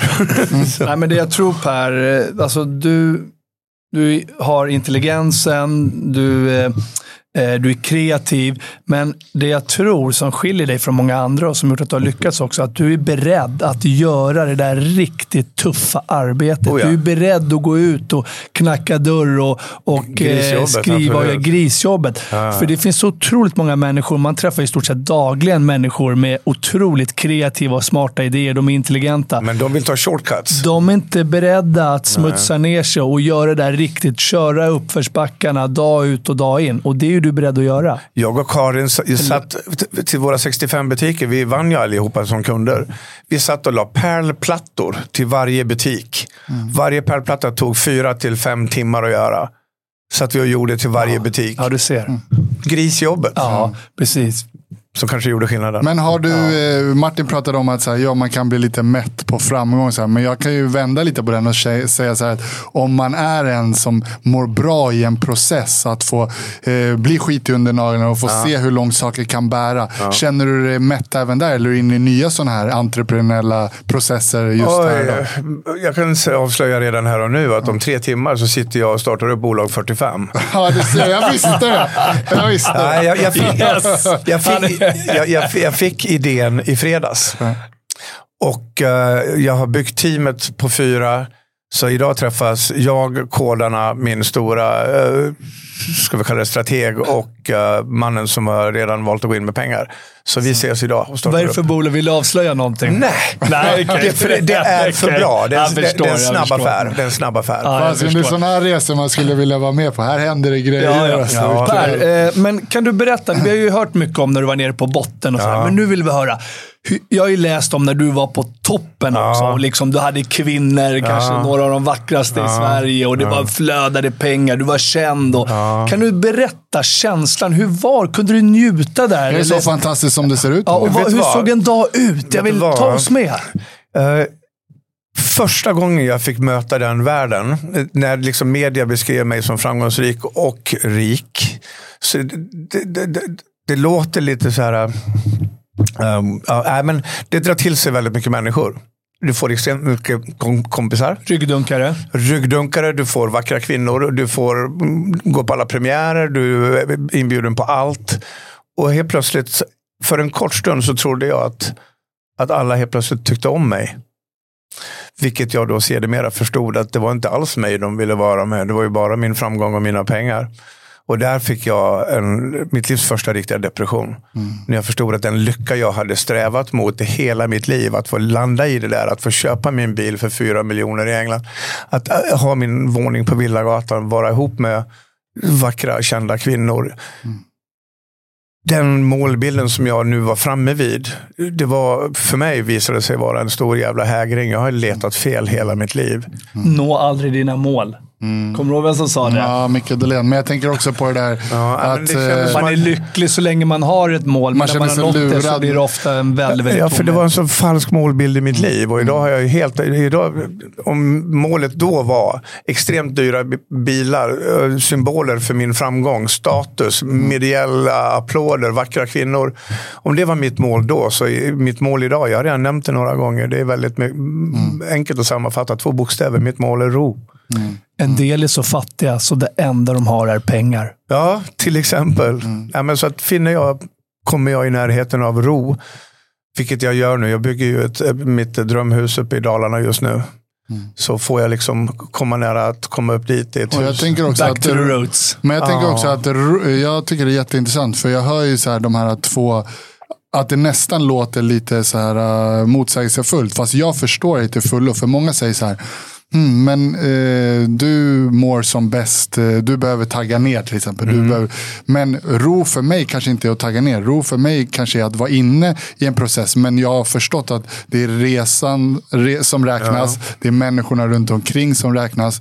Och det, varför ska det ta så lång tid innan man förstår det? För jag tänker också tillbaka på våra så här, idrottskarriärer och det. Att ibland så man bara sprang och liksom så här, cyklade i mörkret. Man, man, man njöt inte på vägen. Men jag kommer aldrig må bra av att bara sätta mig i det där huset eh, på prärien. Utan jag är en sån människa som behöver vara inne i processen. Men nu tror jag att de processerna som jag ger mig in i, då ska det vara med människor jag tycker om. Ja, men nu är du där, där jag är nu. För att jag har inte råd. Jag är gammal nu. Min, min klocka tickar högt. Min tid tar snart slut. Jag har inte råd att vara i bolag som inbegriper människor som inte jag känner kärlek till. Jag vill känna, jag vill fira med de här. Så, och, och, så att det är ro för mig. Att, Ja. att eliminera dåliga element, eh, negativa energier ur mitt liv. Precis. Och det är, det, det, är liksom, det är my prerogative. Jag får göra det nu. Jag tillåter mig själv. Jag har skrivit brev till killkompisar och gjort slut. Alltså, Men varför ska det ta så lång tid av ens liv innan man Ja, fattar jag det här? vet, men jag skriver brev till grabbarna. Jag känner, det där känner jag igen mig så mycket när man var på topp i idrottskarriären. De här ryggdunkarna. Alla kom. Alla Alla vill med en. synas med. Ja, Alla ville vara ja. Med en. Och det tog ganska många år innan Men du man var ju ingen annan människa för att du vann en jävla Nej, medalj. Du var ju ja, fortfarande bara ja, lilla Martin. Ja, absolut. Så, absolut. Och det är den lilla Martin som jag älskar. Jag skiter i dina medaljer. Ja. Det är där jag bygger Ja. mina relationer idag. Men det tog många år innan man förstod det här. Innan Ja. man började rensa För i det var lite nice en stund. Ja, det var lite roligt och nice. Alla tycker det är nice att vara lite i händelsen. Jag tror Ja. de flesta, eller alla eh, skulle skriva under på att det är lite nice att stå Ja. där i mitten. Men man märker ju ganska snart vilka som finns där när man inte är på toppen. När, det, längre. när man mår lite pyton. Ja, liksom. precis. Då blir man... Och hur läskigt är inte det då? Att så här, man bara släcker det där ljuset, liksom framgångsljuset. Och så helt plötsligt så har 95 procent av alla runt Borta. omkring bara borta. Ja, ja. Äh, De är inte borta, de är någon annanstans. Ja, någon annanstans. De är på nästa axel och, och fladdrar. Ja. Men Per, ska vi, vi gå tillbaka lite på, Ja. till det här med spelet, tänker jag. Eh, tycker du att samhället, det svenska samhället, gör man tillräckligt mycket för att hjälpa de här Absolut människorna idag? inte. Eh, och vad skulle man behöva göra? Alltså senast igår så satt jag och skriftväxlade med en riksdagsperson som är en, en tidigare faktiskt beroende. Som, som hjälper mig nu att få kontakt med rätt människor i det nya regeringskansliet. Jag var inne och pratade med Ardalan Shekarabi i den förra regeringen. Han, han, men liksom, de sitter ju på dubbla stolar för de har enorma skatteintäkter från spelindustrin själva. Såklart. Så det, är- det finns ju en kluvenhet där. Liksom. Hur, eh, Men- spelbolagen själva då, om vi ska gå in lite Ja. så här. Ja, Hur, hur, eh, för du har ju försökt stämma ett spelbolag. Jag har stämt. Ja, det har stämt. Aktiv Men, levande stämning. men, den, ja, är det, men det är en helt ny stämning du är inne i Nej, det, det, den ligger sedan snu- två år tillbaka. Men du har förlorat en twist Nej. först? Nej. Nej, det är fel. Berätta då. Det, ja, men det finns, eh, Sverige har två börsnoterade bolag. Ett heter Betsson och ett heter Kindred Group. Och Kindred Group är samma sak som bland annat då uh, Unibet och Maria Casino och Snabbare och så vidare. Ja, det är ett och samma Ja, det är bolag. samma ägare. Ehm, jag har dragit dem till domstol av några olika skäl. Eh, Dels fram till år 2019 så 2019 så ändrades lotterilagen. Då gav man tillstånd och licens till ganska många bolag att agera i Sverige. Cirka 70, 80, 90 stycken. Innan det så var det faktiskt bara ATG, Svenska Spel och vissa folkrörelsespel som hade licens i Sverige. Min aktiva spelperiod var innan 2019 hos de då olicensierade spelbolagen. Ett av de bolagen som inte hade licens var Kindle Group eller Unibet i det här fallet. Men för att de då skulle kunna vara aktiva i Sverige så åkte de till Malta med sina servrar och ställde dem där och jobbade runt svenska lagstiftningen och började massera mig som kund i Sverige via, via sina VIP-agenter. Och den här olagliga manövern som man gjorde då för att runda den svenska spellagstiftningen, man sket helt enkelt i den svenska lagen, eh, gör att alla mina spel ska egentligen vara ogiltigförklarade. Och sen handlar det också om olika metoder för hur de, eh, personlig marknadsföringsfrågor, vi jobbar med marknadsföringslagen, vi jobbar med ganska många olika lagar. Hur kommer det sig att... Uh... En månad så hade jag 270 000 procent uh, avvikande insättningsstatistik mot deras genomsnittsspelare. Oh, och då, borde men, de ha reagerat. Verkligen. Men berätta, jag har hört att det till och med kan vara tvärtom. Att man blir kontaktad av agenter som, som oh, ja. säger masserar. Hur, hur går det till i praktiken? Nej, men om jag då får för mig då i en mörk stund att nej, men jag tar inte mitt liv nu. Men jag ska fan, jag orkar inte spela mer. Mm. Så tänker jag, jag skiter i att spela. Men då går det 48 timmar. Så börjar ju då Unibet tänka, shit, han kanske har gått till våra konkurrenter. Han kanske bara bytt konto. Han har gått till fucking mm. Bet365. Nej, och så då ringer då, hej Åsa, eh, Per, det här var Åsa, min terapeut. Eller... Ja, de ringer upp alltså, ja, ja. personligen? Det, jag ville bara kolla, är allting okej? Okay? Jag har inte sett det här på länge. Så. Och innan vi lägger på, jag har kollat ditt konto, jag har en liten present till dig. Så sitter det 10 000 på kontot. Och så igång igen. Ja, ja det är helt sjukt. Jag, jag har ett minne när jag var ju med farsan i Las Vegas. Och, eh, jag, är till med... jag är portad på, på Caesars Palace. Ja, Okej, okay, ja du ser. Eh, och eh, då när vi är där, vi kommer, går in på ett av de stora hotellen eh, där vi ska bo. Och eh, då har de ordnat sviten åt farsan. De, på något sätt har de sett att det här är en storspelare. Ja, ja. Och eh, vi får middagar och massa olika saker. Precis på det här sättet som du säger. Man utnyttjar den här människans spel missbruk, beroende genom att ge massa saker för de vet att det här kommer vi tjäna. Ja, eh, mycket, mycket den här personen Men, men VIP-agenterna, de ser ju till att skämma bort dig som kund för de är livrädda för att tappa dig. För du, jag försörjer ju många i det bolaget med mina insatser. Mm. Så de bjuder mig på resor till höger och vänster och jag får handdukar i julklapp och koppar hit och dit. Och, och, och, jag kan ge ett exempel. Nu ska vi gå in på lite hårdvaluta här. Eh, en annan person som har spelat väldigt mycket hos nämnda bolag, Unibet, han spelade för enorma pengar. Han hade noll inkomst, noll förmögenhet, sannolikt uh, krim för eh, pengar som går in i, i hans spelande.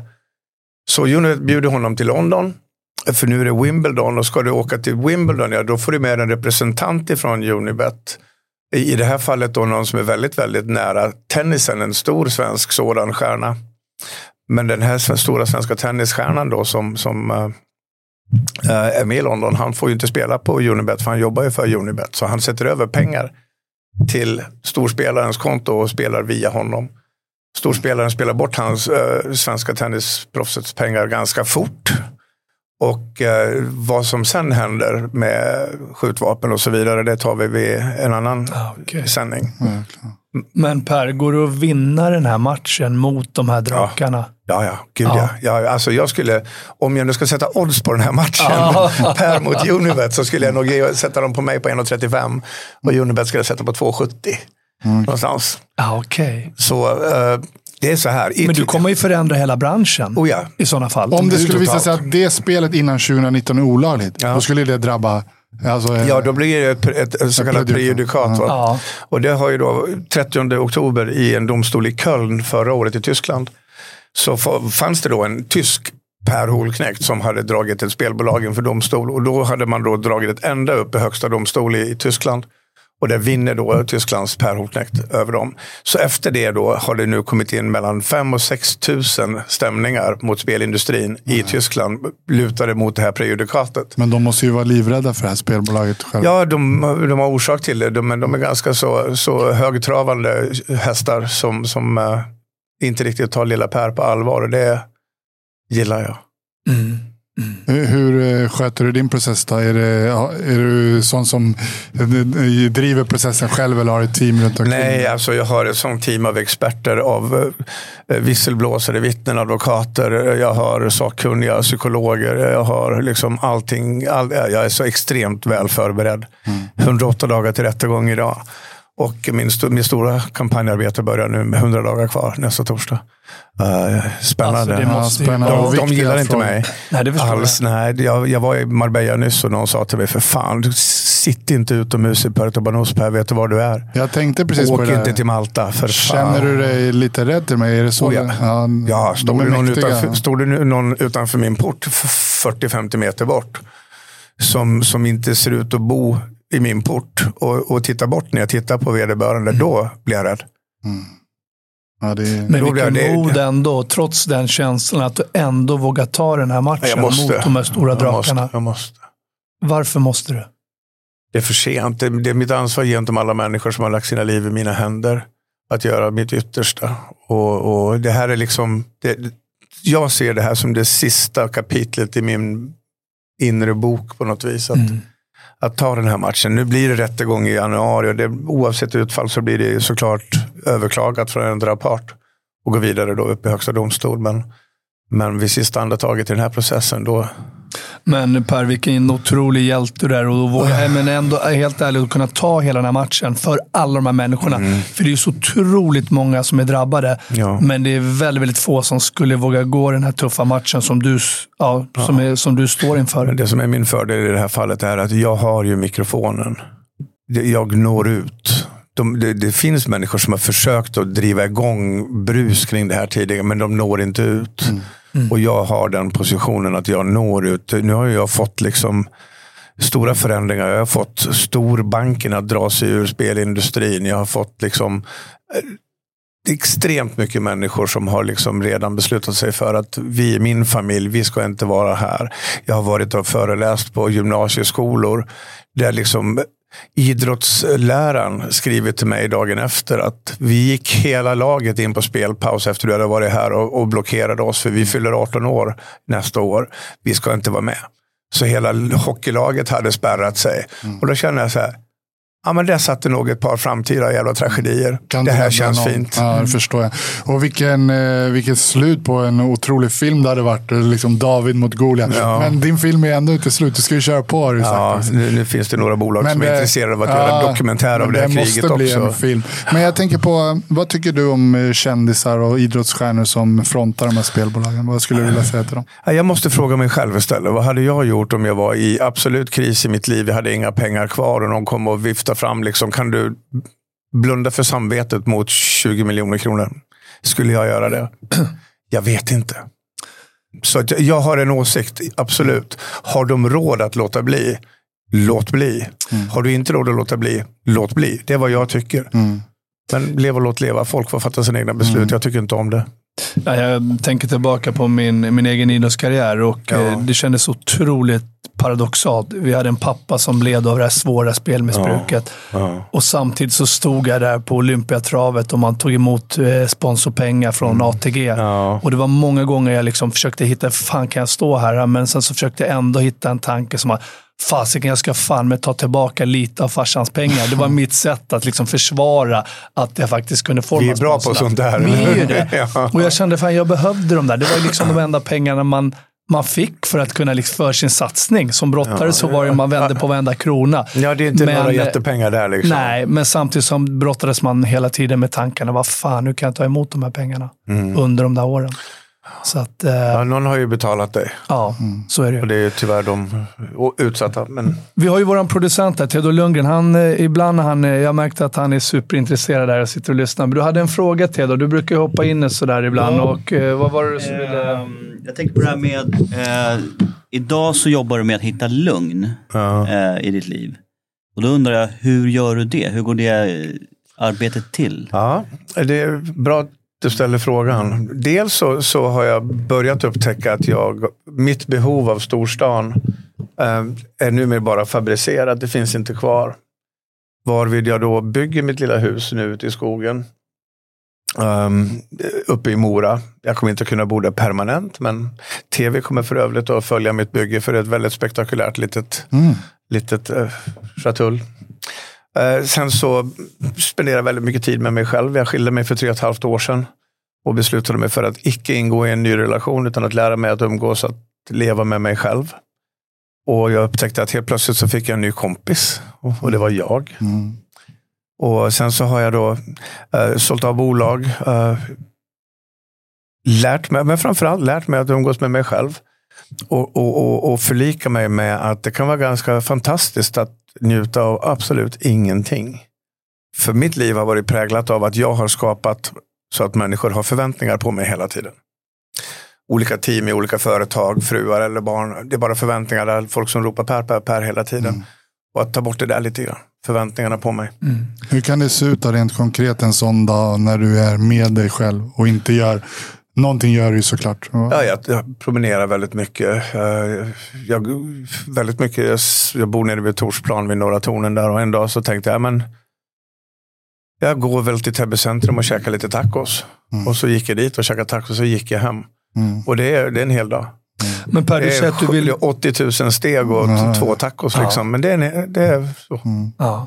Nej, men du, säger, du säger att du vill minska förväntningarna ja. från omgivningen. Men Känner du inte att du har ändå stora förväntningar på det nu med när du stämmer spelbolagen, det nya bolaget du ska starta? Eller kan du liksom lägga det bakom ja, men jag dig? Jag sätter tidslimiter på det här nu. När spelkampen är över, då är den över. Då är den boken stängd. Då går den upp i hyllan. Mm. Det projektet nu, det har 16 veckor på sig att lyckas. Och gör inte det, då, då avbryter vi. Mm. Så att jag håller på att stänga kapitel, stänger böcker, avslutar projekt och igångsätter inte nya efter det här. Så det är i alla fall min plan. Sen så vet jag hur jag funkar. Jag, går i, jag tar ut pension nu ifrån och med april. Mm. Det betyder inte att jag går i pension. Mm. Sen kan det vara för en individ som har en högpresterare som har haft liksom 100 projekt igång. Ja. Att bara att växla ner till 3-4 projekt kan vara i din värld att jag får andas. Ja, men någon så... annan, skulle någon annan hoppa in i Pers kropp så kanske...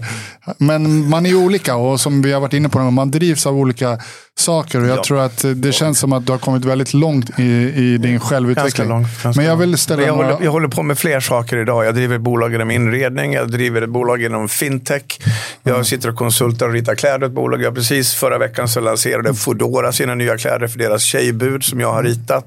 Jag håller på att förhandla med Tyskland. Han har taggat ner. Ja. Nej, men...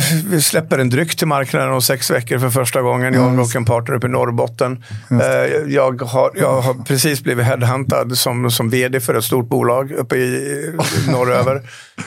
Men hinner du göra saker bra när du har så många olika bollar i luften? Ja, Känner du att du hinner koncentrera dig? Det tror jag. Ja. För att det som är fördelen med erfarenhet och lite ålder, det är att liksom det som tog tio timmar att göra innan jag hade kunskapen tar idag när jag har kunskapen 40 minuter att göra. Och man behöver ju faktiskt inte göra allt själv heller. Nej, man kan delegera och delegera Absolut. är bara värde. Ja. Jag är lite nyfiken det här med kärleken. Ja. Du säger att nu ska du umgås med dig själv. Eh, du ska inte inleda någon ny relation. Nej, det sa jag inte. Jag sa, det har gått nu tre och ett halvt år efter min separation. Jag ska inte ersätta min sorg med ett plåster. Nej, okej. Okay. Är du med mig? Ja, jag, är med, jag ska jag låta min sorg läka ut. Jag är för övrigt inblandad i att skriva en bok om sorg. Vi är sju män som skriver en bok om manlig sorg just nu. Eller mäns oförmåga mm. att bearbeta sorg. Men det gör ser... jag också. ja, ja, eh, nej men per, hur ser du på kärleken eh, i framtiden? Känner du inte att du ändå skulle vilja, nu kanske du redan har inlett en ny relation, jag vet ja, inte. Men... Ja, jag kan säga, avslöja nu, för om, om, någon, om någon från Hänt Extra till äventyr sitter och lyssnar. nej men så, så, här, eh, nu har jag kommit till en punkt i mitt liv där jag, jag behöver inte en kvinna i mitt liv. Och när jag inte längre behöver en kvinna i mitt liv, det är då jag tror att jag är redo för en relation. Och dit har jag kommit. Det vill säga, nu vill jag ha en kvinna i mitt liv. Men jag behöver inte ha. Nej. Men Det- finns det någon kvinna där? Ja, lite. Lite. Lite. Är du i datingstadion Ja, nu men nästan? vi, vi trevar. Vi har nog sagt fina saker till varandra. Ja. Och jag, jag kör långt i bil imorgon för att få komma dit och vara där i två timmar. Nu ser man glöden i ögonen Ja, på ja, ja, ja, ja. Nej, men liksom, men det är så här, leva ensam är fantastiskt. Och det här att hitta sig själv och disponera sin egen tid. Men jag saknar någon som frågar, så här, hur var din dag? Mm. Någon som ser mig på avstånd och jag ser att hon ser mig och hon börjar le.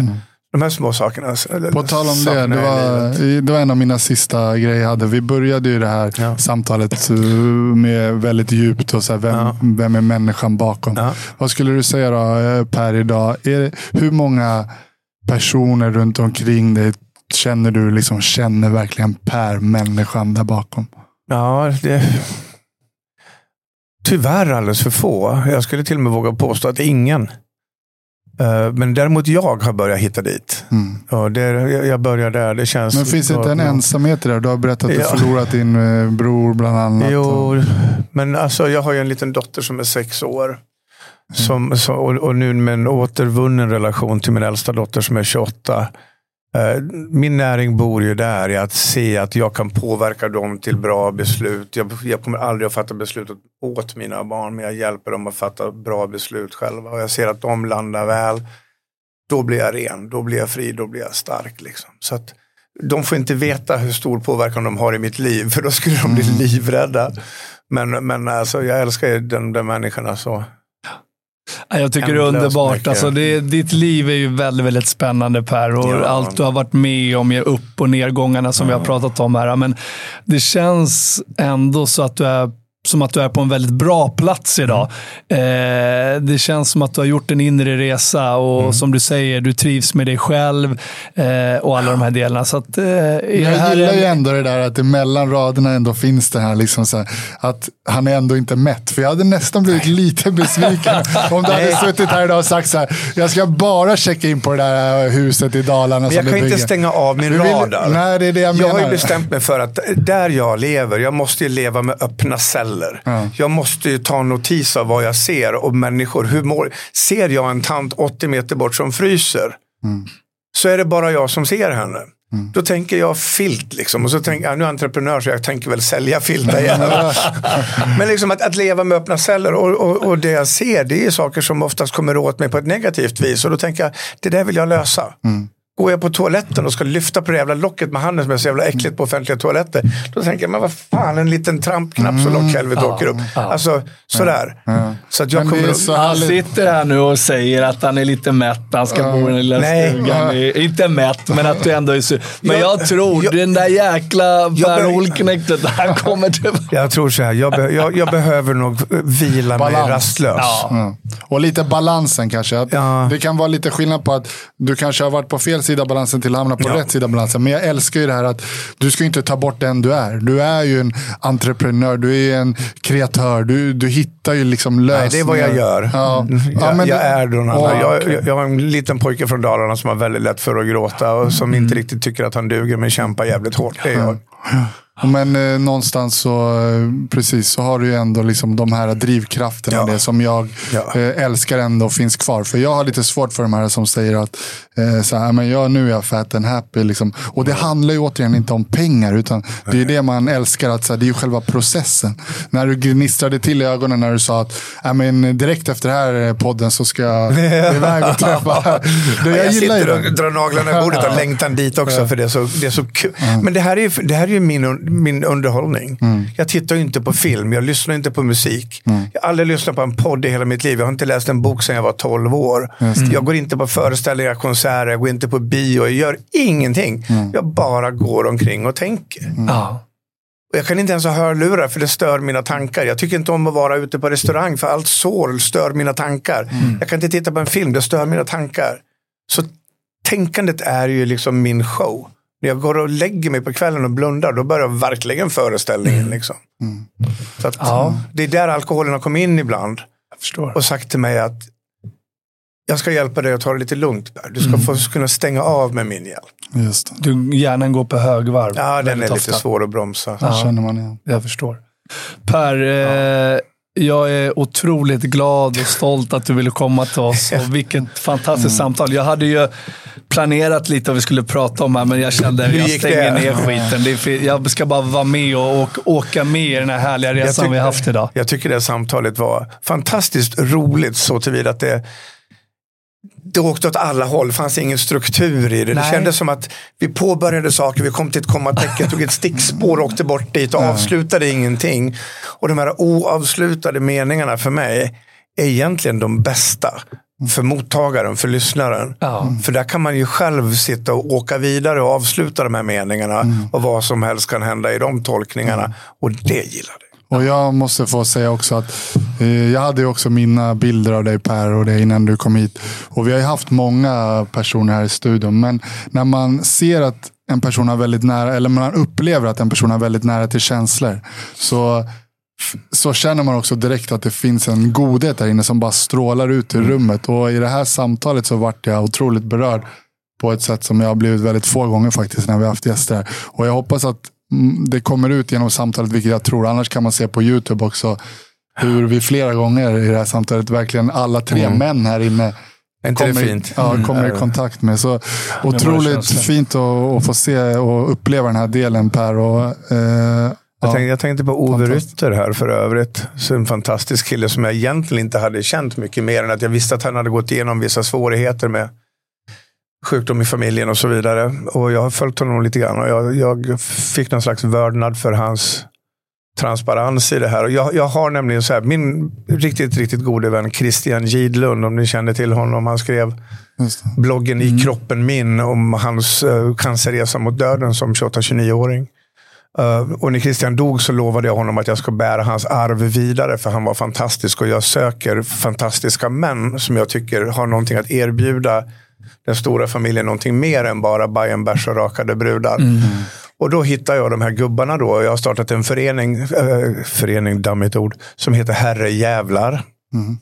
Där jag bjuder in 10, 20, 30, 40 män varje år som jag tycker tillför någonting som är en okonventionell men viktig manlighet.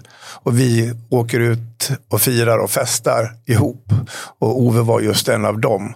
Jag tror till och med att han har tatueringen, även han, av det plommonstopet med hon. Okej. Våran Ja. så här, Ja, det vet jag han har mansförening. berättat. eh, Ja, vi, vi och, var i eh, Järvsö och röjde i 48 timmar. Och lite en gemensam nämnare mellan er. När Ove Rytter var här så fällde han också en tår väldigt tidigt i vårt avsnitt. Där han berättade bland annat om sin fru Katarina som gick bort i cancern. Eh, och hur han har kämpat sig tillbaka. Då. Så att, eh, och där återigen kunna visa sin sårbarhet som man gör att vi kommer varandra ännu närmare också. Det är där Om vi ska början. vara lite extra Nej, men jag är så glad att jag fick träffa er. Jag har ju Ja. liksom sett era namn och sett er på Sportnytt. Sådär. Men, men att få sitta ner med er, det är Detsamma. Detsamma, Per. Och Det har tack varit en att du stor, stor ära. öppnade upp dig så mycket för det. är lätt att säga att man ska göra det, men det är en annan sak att verkligen kunna göra det. Så det var ett Ja. superfint samtal och stort, stort tack att du tog dig hit. Och lycka till nu! Glöm inte att prenumerera, följa, likea. Brottabröder podcast.